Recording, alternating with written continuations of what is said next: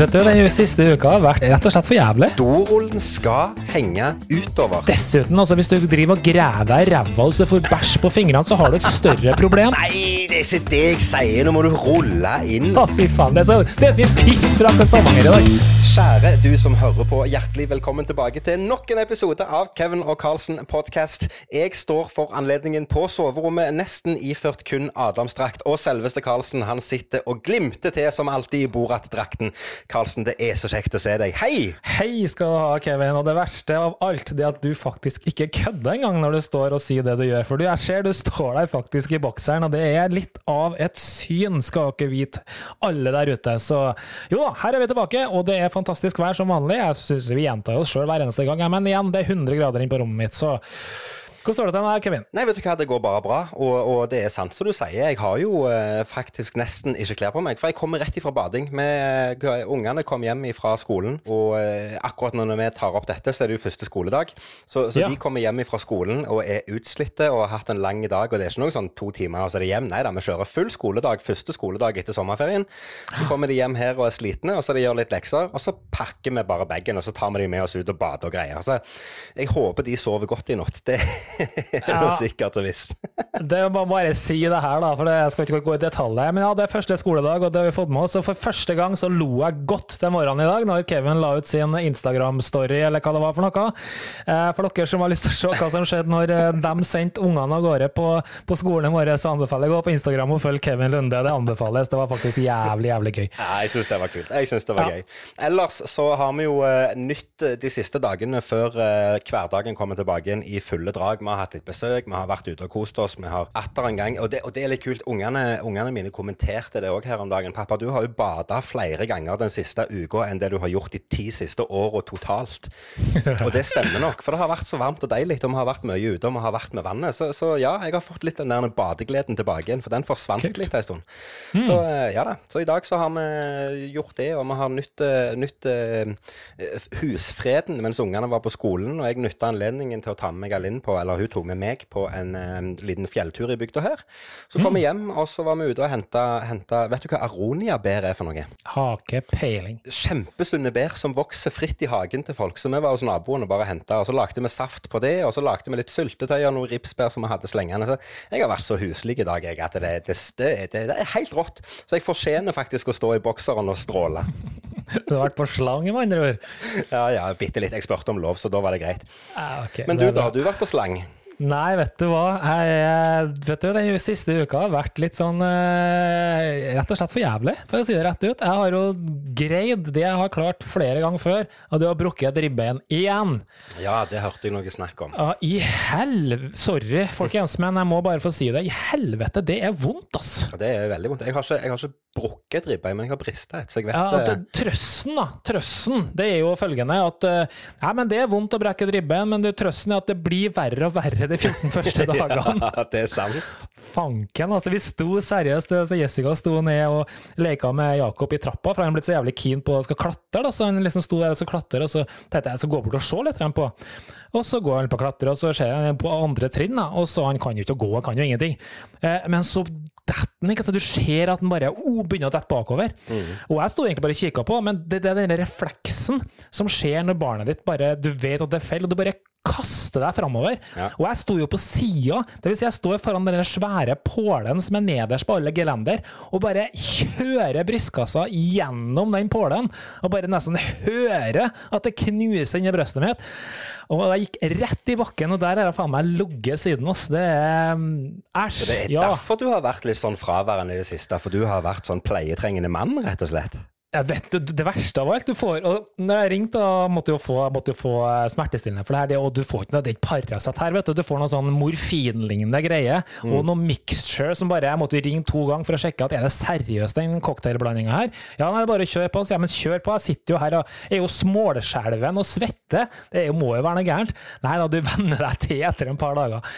Så jo, jeg har vært litt eh, knestående, men det, det, går, eh, det går bedre, altså. Det gjør det. Så Ja da, det er bare tre uker igjen nå med smerte, så det går bra. Det går så fint. Det går så fint. Ja. Så eh, nei da. Nei, så vi har jo eh, tydelig vært aktive på hver vår front da, i det siste. Det er jo eh, helt klart det. Ja, Men- hatt men, show, da. Ja, det har jeg òg. Det har Ja. jeg òg. Jeg har jo hatt show. Ja, Det, Hvordan var det? Oi, hvor skal jeg begynne? Det, det, det var jo så gøy at jeg har jo glemt at jeg har vært det. Jeg har jo glemt å nevne det i det hele tatt. Nei da, jeg var jo på, jeg var jo på show på, til og med to ganger denne uka. Det er jo en ny rekord. Ja. Det er jo flere show jeg har hatt denne uka enn jeg har hatt eh, totalt i hele 2020, tror jeg. Det, Nei, vet du hva, det var veldig gøy. Det, var, um, det er en, eh, en standup-klubb som heter Comedy Box, som holder til i Stavanger, som um, inviterte Ja. meg til å være med og, og gjøre en spot der. Og det hadde jeg veldig lyst til, for jeg kjenner dæven så gøy å få lov til å opptre for levende mennesker igjen. Så det var, det var veldig gøy. Men det jeg kjente mest på, det var jo den der eh, hva skal jeg si, mangelen på rutine. At ting Oh, yes. ikke kom helt av seg sjøl. Jeg kjente at jeg var rusten da jeg sto der. Koste meg i hæl, hadde det dritgøy på scenen. Og, og fikk bra respons på det jeg gjorde, og jeg fikk inntrykk av at folk syntes det var gøy.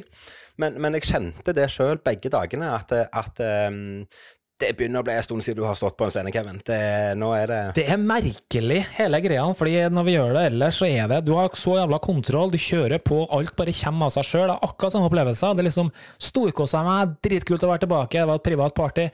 Og, men du merker sånn inni deg, jeg tror ikke det merkes på publikum, de merker ikke noe til det her, men du det. merker at nei, det er ikke samme glien, det er ikke samme snerten, men, men du koser deg, og det, det er kult å være tilbake. Så nå ser jeg bare fram til en høst hvor bare det detter inn med bookinga på Kevin og Carlsen og Kevin eller Carlsen og alt det greiene der. Ja, det, vi har starta vi har starta høsten og Kevin, tror du ikke det? det, jeg, jeg håper vi har starta høsten. Om du merka det at hvor ekstremt sliten du var etterpå? Ja.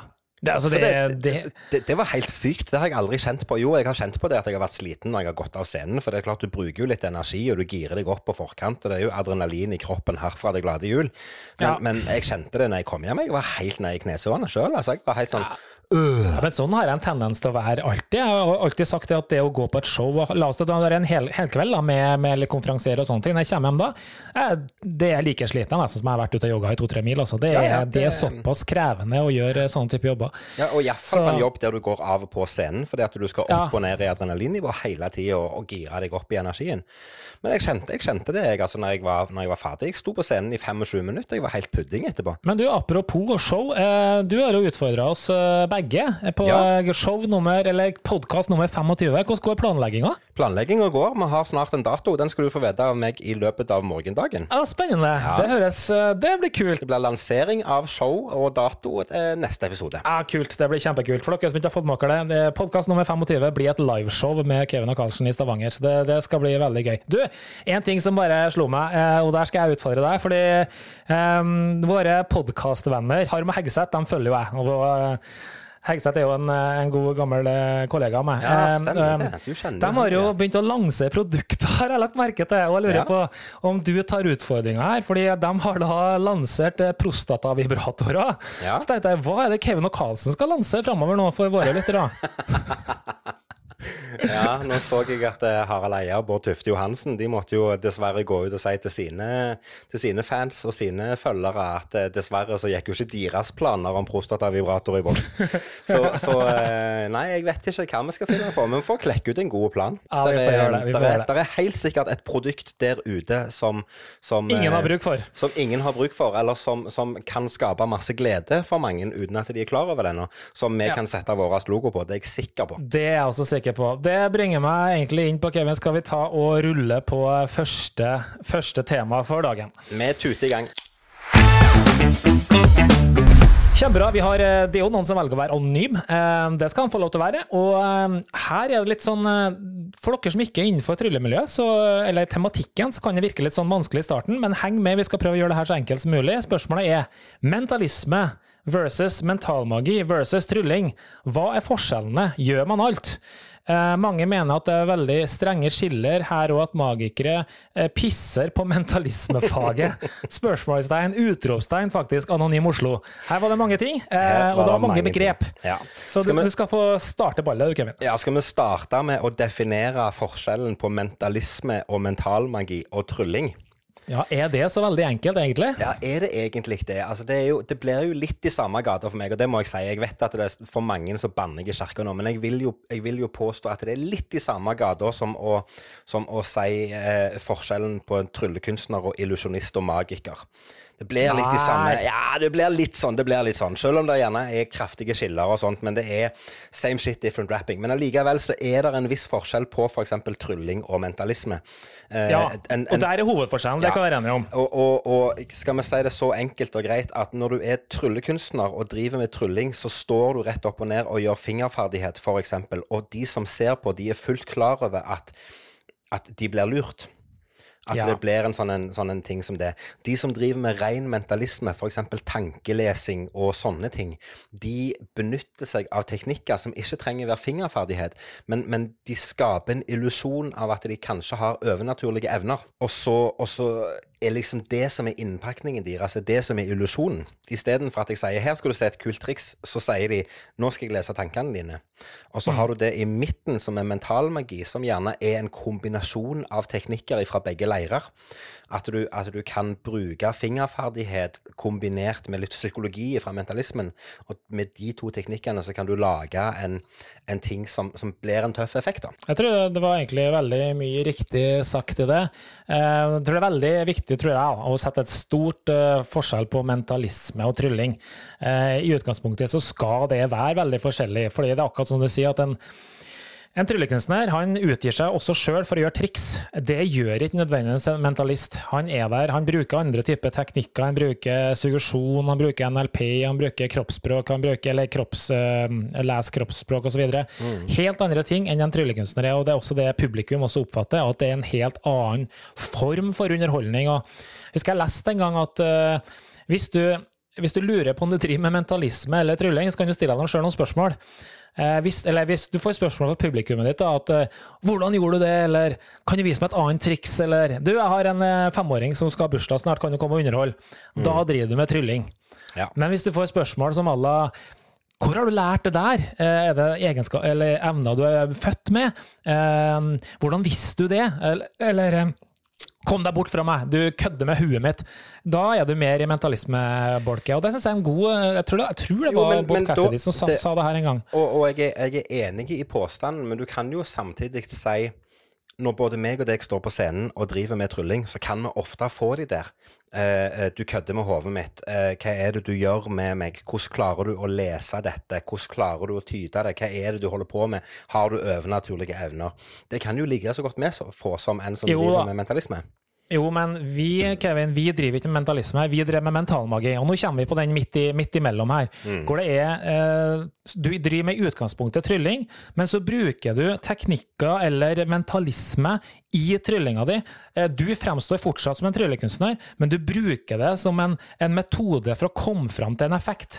Eh, og det kan være tilsvarende tankelesning, eller hva det nå skulle være, men du fremstår fortsatt som en tryllekunstner. Så te temaet ditt er fortsatt trylling, men så bruker du eh, de her eh, metodene da, for å på måte, få til ting. Og det blir en slags sånn hybrid midt imellom, men i utgangspunktet så er du da en tryllekunstner. Jo, men, også, men jeg liker jo den kombinasjonen, det må jeg jo si. Ja, Det, ja. Det, det bruker jeg jo sjøl, og det vet jeg du òg gjør. Og det er, jeg syns det er en jeg synes det er en kul kontrast når du står på scenen. Og, og det er klart Du kjenner jo meg og vet hva, hva uttrykk og hva, hva karakter jeg har på scenen. Det er den der løse kanonen på dekk med litt fleip og litt gøy og litt humor og sånn. Men hvis du da kombinerer det og gjør et eller annet som er oppi hodene til folk, som, som, som er noe helt annet, så den kontrasten der, den er med å, å hva skal jeg si, bygge, bygge karakteren enda mer, da. Fordi at det Mm. kommer så uventa. Mm. Jo, jeg er helt enig i det. Jeg tror bare at det, jeg tror det, Sånn som jeg sliter litt med her, at det er veldig mange tryllekunstnere som ikke skjønner det her, skjønner det her begrepene, eh, og går rundt og kaller seg mentalister. Og De er ikke det. De har ikke lest engang eneste bok om mentalisme. Altså Hvis du spør har du lest eh, la oss si 13 Steps to Mentalism, da, som er Ja, grunnboka for ja, Corinda, grunnboka for hele tatt, kunne si at du kan noe som helst om mentalisme. Han hørte om boka, han har aldri lest den. har gjort, det eneste de har hørt om, det er Darren Brown, liksom. Og da, hvis de kan gjøre noe som han gjør, så er de mentalister. Ja, ja. Eh, og så driver de kanskje egentlig med mentalmagi. Og da blir, tror jeg, det er de få i Norge, og nå vil jeg med det er så få som driver med ren mentalisme i Norge. Eh, Det er nesten så jeg kunne ha telt dem på bare et par fingre.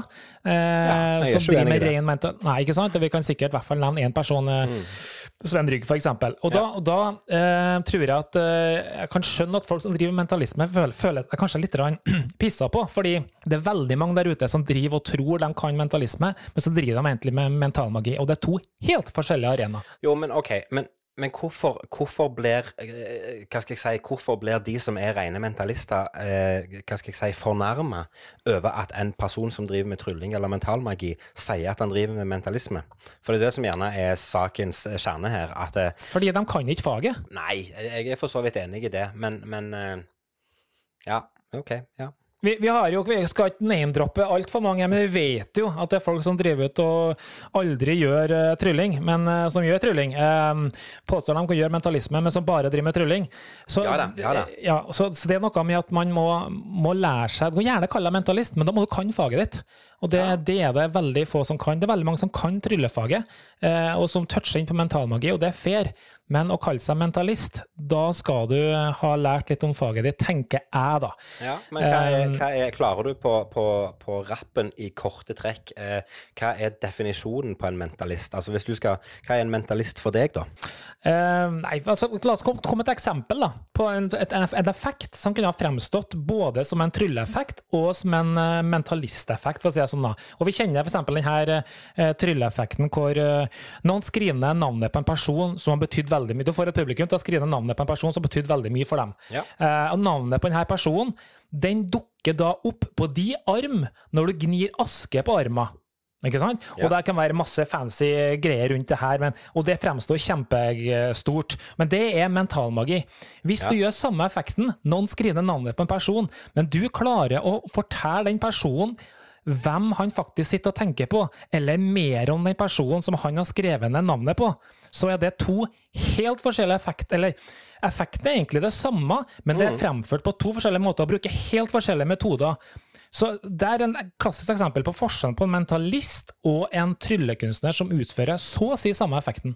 Ja, ja, ja. Eh, når, du, når, du, sier hvis du, klarer, hvis du som mentalist klarer å lese navnet og klarer å komme med opplysninger om denne personen, eller om det navnet som ble skrevet ned, så er jeg med på det. Mm. Min påstand i akkurat det tilfellet der, hvis du stopper der at mentalisten bare finner navnet og, sier, og forteller navnet til deg som du har skrevet ned, så er min påstand at trylleeffekten der navnet dukker opp på armen, er bedre. Ja, det mener selvfølgelig du, og det mener selvfølgelig vi, som er mm. tryllekunstnere. Og det tror jeg vi kan mene om veldig mange effekter som er veldig like. Men det er mm. fordi vi elsker mentalmagi, skråstrek trylling, ja, ja. mens en mentalist vil argumentere det for hvor han står. Så det, det er jo, og det er for så vidt greit. Det er jo som å jeg jeg bruker ikke ja. veldig mye tid på å gruble på dette i det hele tatt, kjenner jeg. Men, men eh, nå når du sitter, eller når vi sitter og snakker sammen, så tenker jeg på en annen ting, som er, som er en annen ting vi kan snakke om. Eh, en effekt som er begge to liker godt, som er eh, any card, any number. Mm. Som er i mitt hode en trylleeffekt. Men ja. kanskje det òg egentlig kalles for en slags mental effekt. Eller er det mental magi? Nå har vi enda et begrep inn her, da. Nå er det mental effekt, jo, jo, okay, og du er tryllekunstner, og da er mental er det, magi, og da er mentalisme. Er det mentalisme eller mental magi, da? Nei, jeg mener at uh, Og det er, ja, det er et godt spørsmål, men det tror jeg er helt avhengig av uh, metodene som brukes. Ja.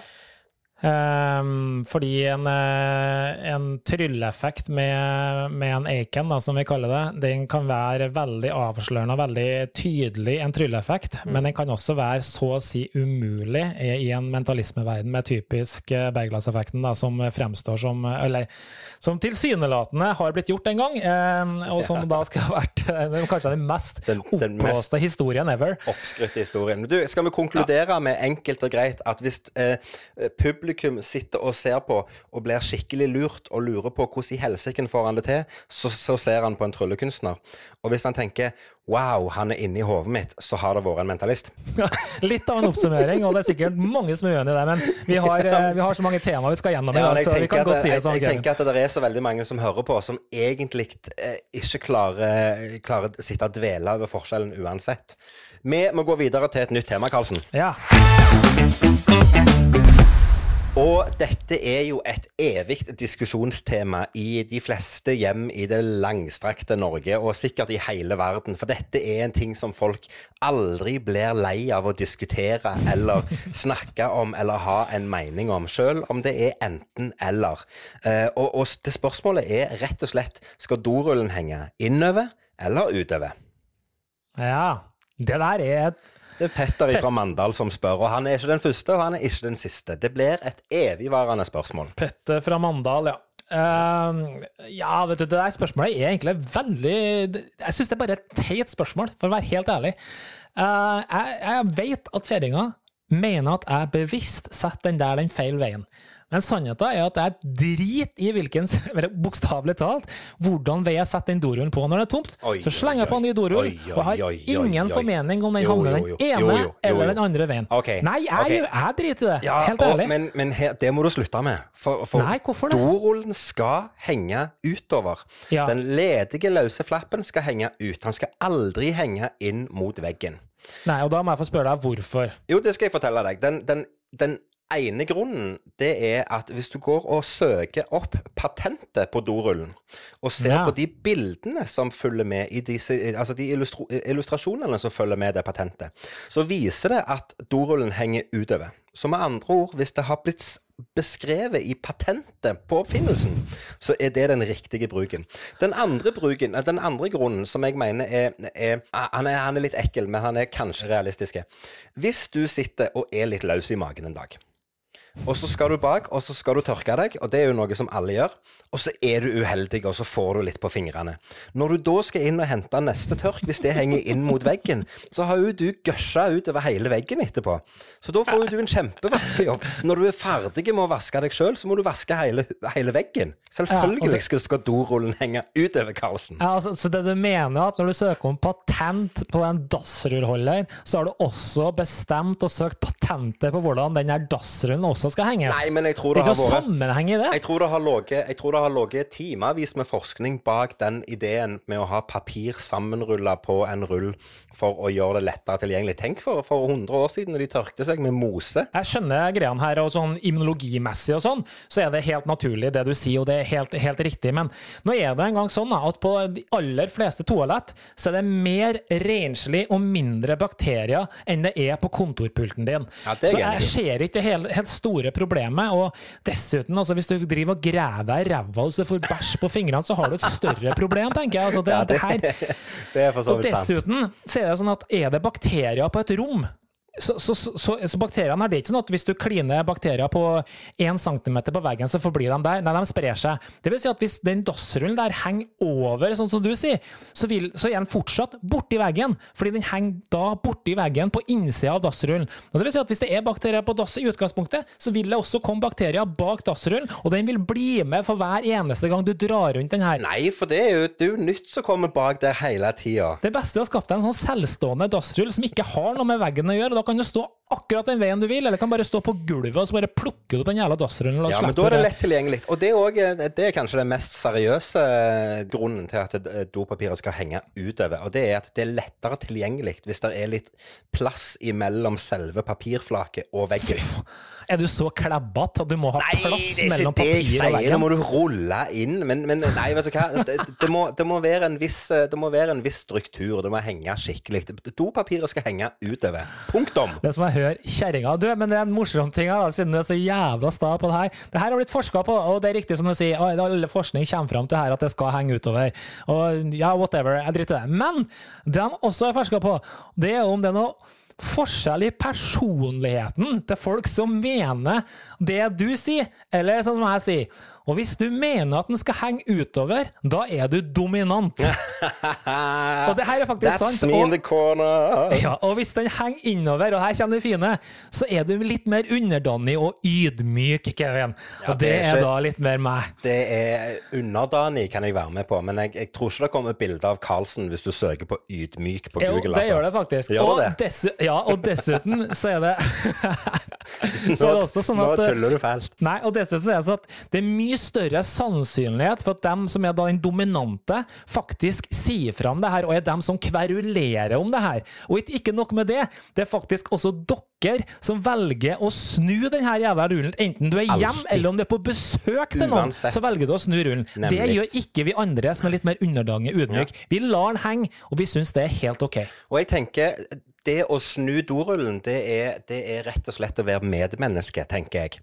Du lærer Jo, jo det, det, det du, du, du, er, du er et medmenneske. Du er et medmenneske fordi du velger å snu dorullen riktig vei, og i tillegg så lærer du noe nytt. For jeg kan ikke fortelle deg hvor mange forskjellige dorullholdere jeg har lært meg mekanismen på opp igjennom livets løp, bare fordi at jeg har vært et medmenneske i andres hjem. Har du drukket, eller? Ja, det har jeg òg. Kevin, jeg har et forslag til deg. Det fins ei Facebook-gruppe som heter Vi som snur dorullen når enden henger mot veggen. Og den har 50 000 medlemmer, så hvis du går nå, så blir det 50 001. Da har de 50 001 her og nå. Vet du hva, vi ruller videre. Det gjør vi. Åh, vi kunne snakket mye om dorull. Noe så enkelt som dorull kan meg og deg hause oss opp på. Det syns jeg er fint.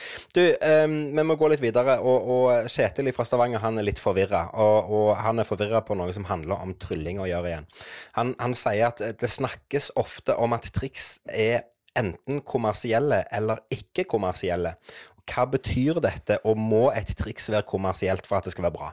Ja Jeg skjønner jo at han er forvirra hvis han har hengt seg opp i det, det må jeg jo si.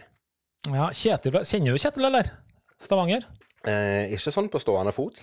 Nei, ikke, det, er mange, okay. det er mange Kjetil i Stavanger. Ja, det var det. Eh, nei, vet du, det var et bra spørsmål, det også. For det er jo et, gjerne en ting vi eh, ofte bruker som argument. Hvis vi uh, skal gjøre et triks, og så blir det Nei, men herregud, det er jo ikke kommers i hele tatt. Kan ikke gjøre det. Eller nei, men det er altfor kommersielt, kan ikke gjøre det i den settingen. Mm. Så kanskje vi skal begynne da, med å prøve å finne en uh, god uh, definisjon på hva et kommersielt trylletriks er. Og jeg vet ikke om jeg har et sånt Jeg har antageligvis en god konklusjon helt til slutten, men jeg, jeg, fordi, tror, jeg, en, jeg tror, har et, jeg tror jeg har et eksempel. Mm -hmm. Som er definisjonen på et veldig kommersielt triks. Og det er et triks okay. som både meg og deg, og sannsynligvis alle andre tryllekunstnere, enten har gjort eller kommer til å gjøre en gang i sin karriere, nemlig den berømte fargeboka. Ja. Der du viser først blanke sider og blar igjennom ei, tegnebok med blanke sider, og så får du et publikum til å være med og liksom tegne tegninger i lufta. Og så blir det til tegninger inni disse blanke sidene, og så skal publikum være med og fargelegge det. Og så blir det fargelagt inni, og så er alle glade og fornøyde, og, og alle går lykkelige hjem. Det er jo en typisk barne, barnebursdag-effekt, som gjerne veldig mange av barneunderholderne våre gjør i dag, og kommer til å fortsette å gjøre. Og det er jo et kjempekommersielt triks, spør du meg. Fordi ja. at det er så innprøvd og utprøvd og gjennomprøvd at det funker. Ja, da er vi i hvert fall enige om én ting innenfor, innenfor, det her med definisjonen på kommers. og det at Et kommersielt triks det er avhengig, avhengig, av publikummet ditt. Det er i hvert fall det du sier, hører jeg. For det, det finnes jo ikke kommersielt for et voksenpublikum eh, alltid. Ja, sier ikke det. Sier ikke det. Nei, nei alltid, sier jeg. Ja. Men sånn, det, at det av litt av publikummet ditt, eller, eh, eller eh, mediet ditt, da, for å si det sånn. Det, det er du kanskje enig i, da? Ja, og så tror jeg òg vil fram til at når det er, når det er veldig mange tryllekunstnere og artister som bruker det, og, og bruker bruker det i sitt profesjonelle show, så vil jeg si at det er kommersielt. Uh, et annet triks som jeg Nå skal jeg gå helt i andre enden, men et annet triks som gjerne er i ferd med å bli veldig kommersielt, det er svevende bord. For det, det er jo et det er jo ja, et triks som Ja, men, jo, men du skjønner hva jeg mener. For det det er, veldig mange som gjør det. Og derfor er det kommersielt. For det er et gjennomprøvd triks som veldig mange har i sine show, og publikum liker å se det. Jeg er ikke enig i at uh, kommersielt betyr at uh, veldig mange gjør det. da. Uh, hvis vi går litt sånn skikkelig tilbake, da, så kommersielt i seg sjøl, det har ordet kommersielt det har jo med handel å gjøre. så det vil si at det er noe som er salgbart, som er lagd eller presentert for å gi på en, en eller annen salgsfremmende appell eller et eller annet. ikke sant? Mm. Så det må være en, da, hvis du setter det her i en tryllekontekst, så må det være et triks som om ikke er salgbart, men som, som betyr noe, som, som gir en, en godfølelse for publikum.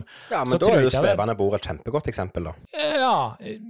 Jo, mulig. Mulig. Det, du kan sikkert være enig om det, men betyr kommersielt at uh, For det er mange som kan mene at ja, men alt som er produsert og selges i tryllebutikker, det er kommersielt. Ja, det er jo en veldig enkel påstand, men, men, eh, og det er nok gjerne jeg, eh, den veien jeg heller mot i det jeg sier. Men samtidig så vil jeg fram til at hvis det er et triks som er masseprodusert og selges over disk på en hvilken som helst tryllebutikk, og det er veldig mange artister som bruker det fordi det er så bra, så er det et kommersielt triks. Nei, er det det, altså? Jeg er ikke med Sigmund, så jeg er veldig enig i det der. Nei, det er iallfall, min påstand. Ta, ta en annen effekt, da, som er, som er nå, er nå, er- nå er vi jo veldig nerdete for de stakkars ikke-tryllekunstnerne som hører på, men ta Vanishing Bandana, da. Ja. Kommersielt. Ja, jo, jo. Det funker. Det er 100% safe. Det er, folk digger det. Publikum syns det er morsomt. Du klarer å få mye ut av det. Og det selges over disk i hele verden. Mm. Det er kommersielt. Jeg leste en gang en definisjon på Du vet jo hvem Johnny Thompson er, det er en tryllekunstner, for dere som ikke, ikke er klar over det. Men han sa at uh, kommersielt, det er noe som uh, Hvis du klarer å make a living out of it, så er det på en måte kommersielt. Og uten at du har tatt deg betalt for at du, folk kommer og kikker på det, men at du klarer å make a living av it, da har du på en måte, bruker du kommersielle effekter. Det syns jeg er en, på en måte en god, en god, god referanse i til hva det, hva det kan være for noe. men Jeg tenker også at eh, det er litt avhengig av, som du var inne på, personen som utøver det, mottakeren av det, setting til setting. For jeg vil si at eh, en eh, gummipenis, da, en produksjon av en gummipenis, eh, det, det kan være kjempekommersielt i en, eh, i en eh, utdrikningslag eller i en morsom setting. Mm, Men gjør du et seriøst, penere næringslivoppdrag, så er du garantert å ikke bli rebooka i mange settinger. Ja, det kan jeg Eh, være enig i. ja, ikke sant? Så det, det, et triks kan være kjempekommersielt i en setting og være en killer eller en dødare i en annen setting. Så litt vanskelig spørsmål her, egentlig. Ja, det er det. Og så tror jeg det er mm, igjen eh, De som ikke driver med trylling, de har nok en definisjon på hva er kommersielt og ikke. Og så tror jeg vi i trylleverdenen har vår egen definisjon på hva som er et kommersielt triks og ikke. Og jeg tror kanskje, hvis vi går virkelig og, og tenker oss litt om, så tror jeg vår definisjon, sånn som når vi står i Blackpool og ser på alt det som er av nyheter og sånn, så spør vi veldig ofte er det kommersielt. Er det, kan vi bruke det? Er det kommersielt nok?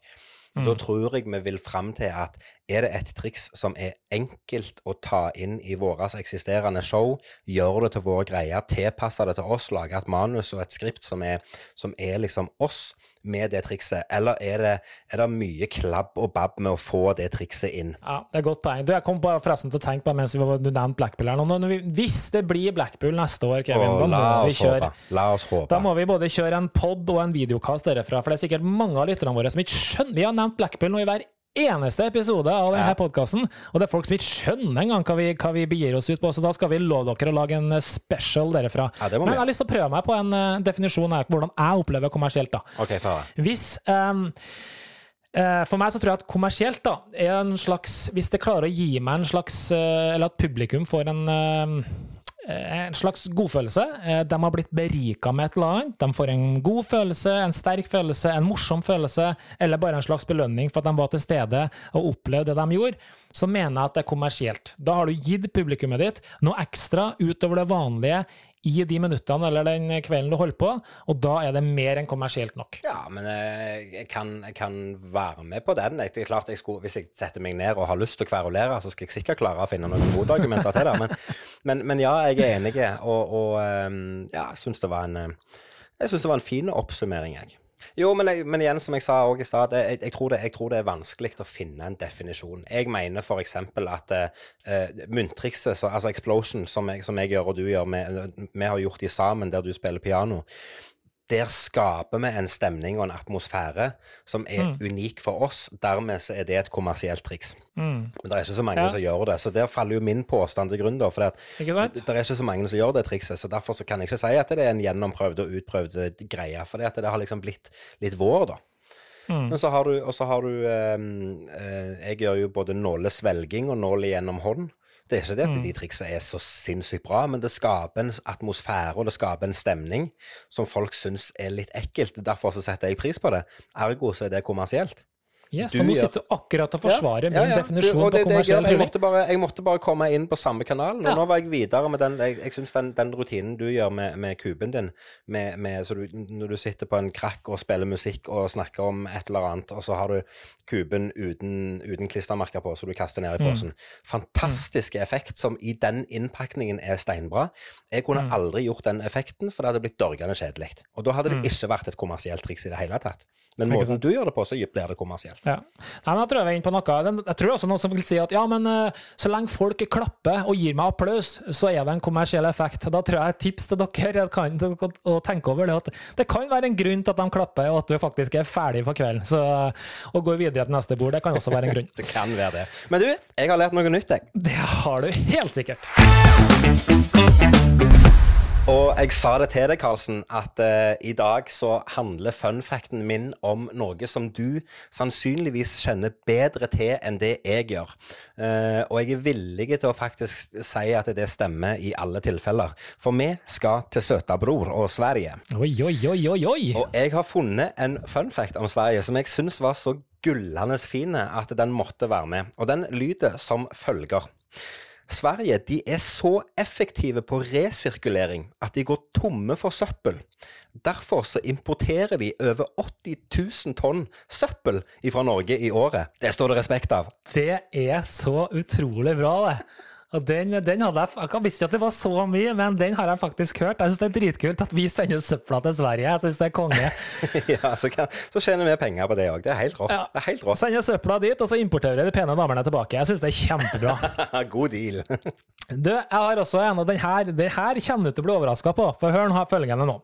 Uh, vi har jo nå i mange episoder snakka om Blindspot, TV-serien. O beste TV-serie ever. Ja. Um, og det er mange grunner til at den er bra, og jeg er nesten så at jeg vurderer om vi skal ha en egen spot om blindspot uh, i en episode, fordi det er så mye jeg har sagt om den. Men det jeg skulle fram til, sentralt i denne serien, det er alle de her puzzlene, altså de her oppgavene som kommer med de her tattisene på hun dama, ikke sant? Ja. Og de er kjempekreative, de er gode, de er imponerende, hvordan alt henger sammen, og det har en rød tråd og massevis av callbacks underveis i hele serien. Og så kommer Pepper og Kevin.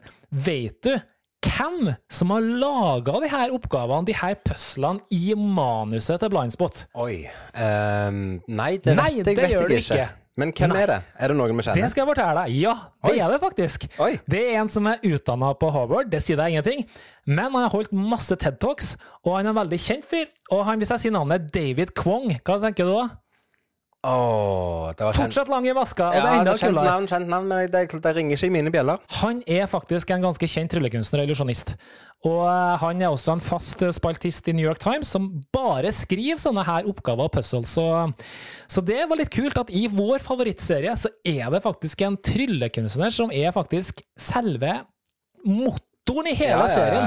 Det det, var ja, det var jeg ikke klar over. Ja, det jeg det, det er litt kult. ja, det, var, det var faktisk veldig kult. Det, det likte jeg. Det, ja, Da må en tryllekunstner til. Det må det, og det bringer oss inn på det siste temaet på dagens podkastsending. Og den er bra.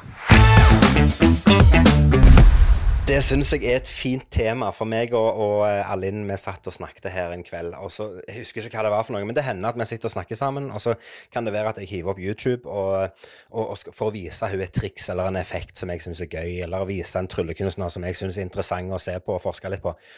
Og så husker jeg ikke hvem det var, men det kan ha vært vår gode venn eh, Sean Farquhar, som, som står der i sitt sedvanlige kostyme. Han har jo alltid litt sånn Det er jo ikke glorete det han har på seg, men han har gjerne en lilla dress og et gult slips. Ja, for dere som ikke er tryllekunstnere nå, det her snakker vi om en av verdens beste tryllekunstnere. Ja, ja, ja, ja. Og, og, og, men, men det Alinn hang seg opp i der Hun har sett mye trylling eh, etter hvert. Men det hun hang seg opp i da, det er hvorfor må tryllekunstnerne kle seg som sirkusartister?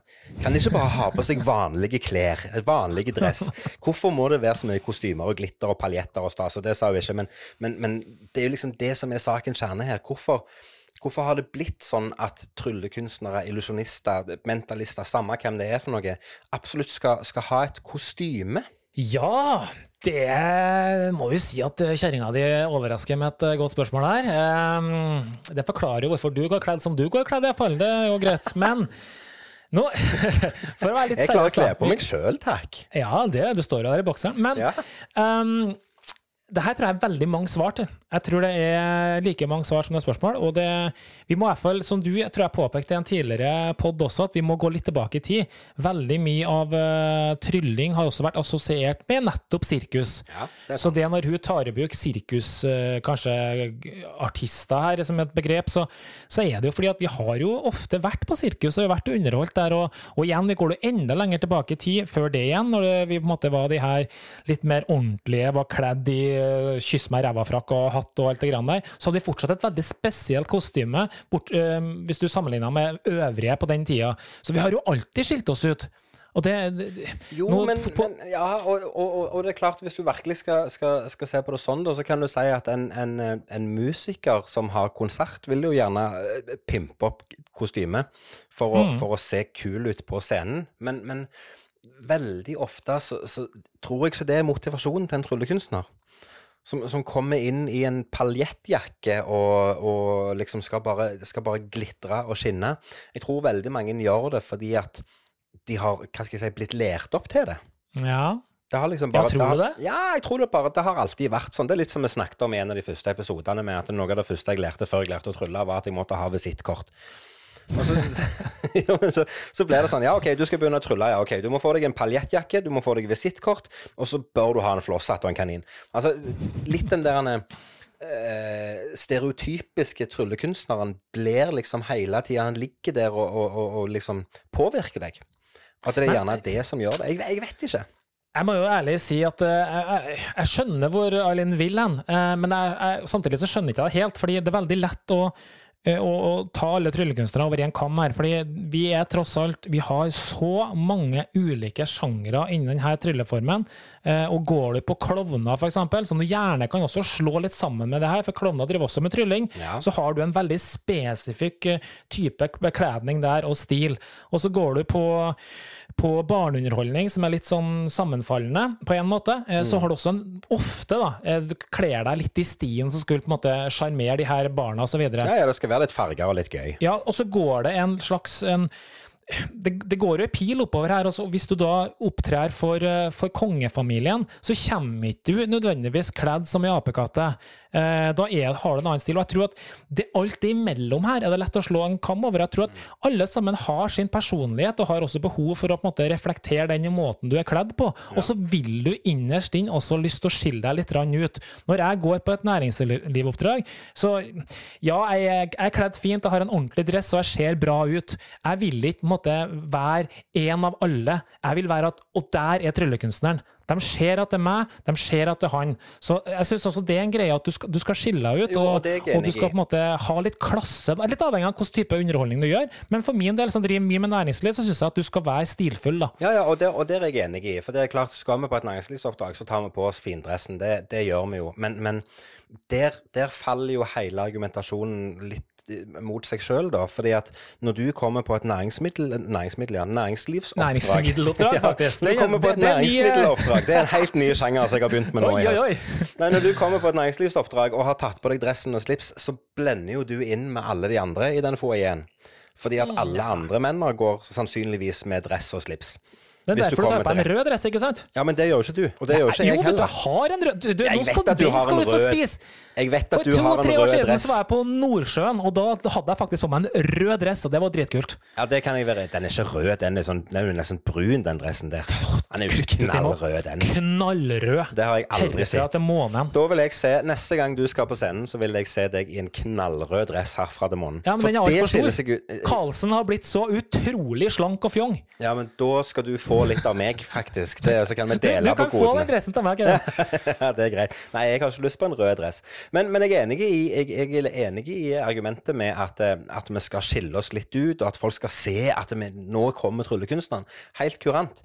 Men, men det er forskjell på å stå i en sirkusmanesje og på, på scenen for, eh, for, eh, for næringslivet. Ja, jeg er fullstendig enig i det. Jeg vet ikke om jeg har noe godt svar her, bortsett fra at man ønsker å skille seg ut, og man eh, Så tror jeg også at mange dessverre ikke helt har helt skjønt det her med antrekk. Man er gjerne blitt bare litt påvirka, og så tror man altså Jeg har så mange eksempler på folk som ikke kan altså det, det, det Et enda større diskusjonstema som passer til det her, det er folk som ikke kan å kle seg. Som kommer og ser ut som et jævla dass. Og de har gått i den samme frakken eller den samme buksa nå i ti år og underholdt, og det lukter drit av den jakka, og det er samme skjorta han hadde på, det er faen meg søla brus og drit på den jakka fra ti år tilbake, og de går fortsatt og ser like dårlig ut. Altså, jeg vil foreslå et nytt TV-program, Extreme Makeover på tryllekunstnere. Det hadde vært kanonbra. Ja, seriøst. Jo, men, jo, men igjen, for å, for å avslutte avslutte det som Erlind lurer på, da. Hvorfor er det sånn? Jeg tror det er sånn av en grunn at vi har så masse eh, Det er fortsatt så mye historie i både sirkusverdenen og varieté og alt dette her som vi holdt på med før, mm. det som tryllekunstnerne var. Det er klart, når, når du, når du sto, står i en sirkusmanesje, så vil du glitre litt. Når du står mm. på en varietéscene, så ville du òg skille deg ut. Folk skulle se at det var du som var tryllekunstneren. Så den er jeg helt enig i. Og så er det vel gjerne sånn fortsatt at bildet av en typisk tryllekunstner er en person som har på seg gjerne kjole og hvitt og har på seg flosshatten. Mm. Og så har vi gjerne lyst til å tviholde litt på det òg. Vi, har lyst til å, vi har lyst til å beholde den tradisjonen med at en tryllekunstner har kledd seg opp på et vis. Og så handler det bare om å finne sin stil. Men, men jeg, jeg, håper jo og tror at vi gjerne er en bransje i utvikling som, som gjerne kan gå vekk fra paljetter og flosshetter snart. Ja, jeg tror det er inn på noe der, men tenk deg hvor kjedelig det hadde vært hvis du hadde gått på et teaterstykke da, og alle skulle, man skulle ha gått i dress som var på scenen. Og det må vi se oss litt på. Så vi er noen som driver med underholdning på en scene, og da har vi faktisk full mulighet til å kle oss deretter Ja, vi skal skille oss ut fra mengden, og da, om det føler at du skal ha en oransje eller en lilla dress på deg i dag med store, stygge sko, så skal du få lov til det. Det er du som er i sentrum uansett, og det syns jeg er helt OK.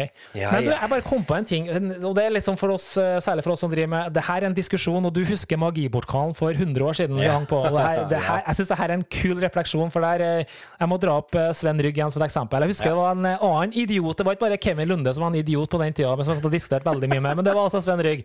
Rygg i dag, og jeg, vi er, fort, vi er gode venner. Men da, han var veldig på det her, og det her er et viktig tema. Han sa at eh, hvis du skal ut eh, og gjøre oppdrag, så skal du kle deg ordentlig. Du skal ikke ta på deg Dressmann-dressen. Du går heller og kjøper deg en Hugo Boss. Og skal du og i et kundemøte, og du skal skrive nå er vi 20 år tilbake, og så skrive en kontrakt, så gjør ikke du det med den der eh, reklamepenna fra Ikea. Da gjør du med en Mont Blanc-penn. Du skal bygge karakteren din til enhver tid, og da kjører du den her Toyotaen, da kjører du Audien til til, til showet ditt. Ja, ja. Det så det har noe med å bygge karakter på, på hele personligheten din. Klassisk var, maximum entertainment, dette her. Da. Det er jo det. Utrolig irriterende sagt på den tida, men jeg skjønner ekstremt godt hva han mente ja, i dag. Ja, ja. Vi, og, og, vi er enige i det. det og så er det igjen alt til sin tid. Det, ja. Men du, eh, tiden flyr når man har det gøy. Alt har en ende, mm. bortsett fra pølser. Den har to. Det er den mest velbrukte klisjeen i hele verden. Men jeg brukte den, og jeg står for den. Så det er greit. Men Eh, men eh, det er alltid en glede å snakke med deg, Karlsen. Men, men eh, jeg sa jo det innledningsvis, at jeg står på soverommet i dag og spiller. Jeg vet ikke om jeg sa det, forresten. Jeg står iallfall på soverommet. Jeg har flytta meg fra stua til bilen inn til soverommet. Neste uke så tenkte jeg jeg skulle prøve garasjeboten. Men akkurat nå så er det nesten like varmt her inne som det er på kontoret ditt. Så vi runder av og takker alle som alltid for at de hører på, og at de sender inn spørsmål, og at de er engasjerte. Og så foreslår jeg bare at vi sier takk for i dag, Karlsen. Tusen takk for i dag. Hei då!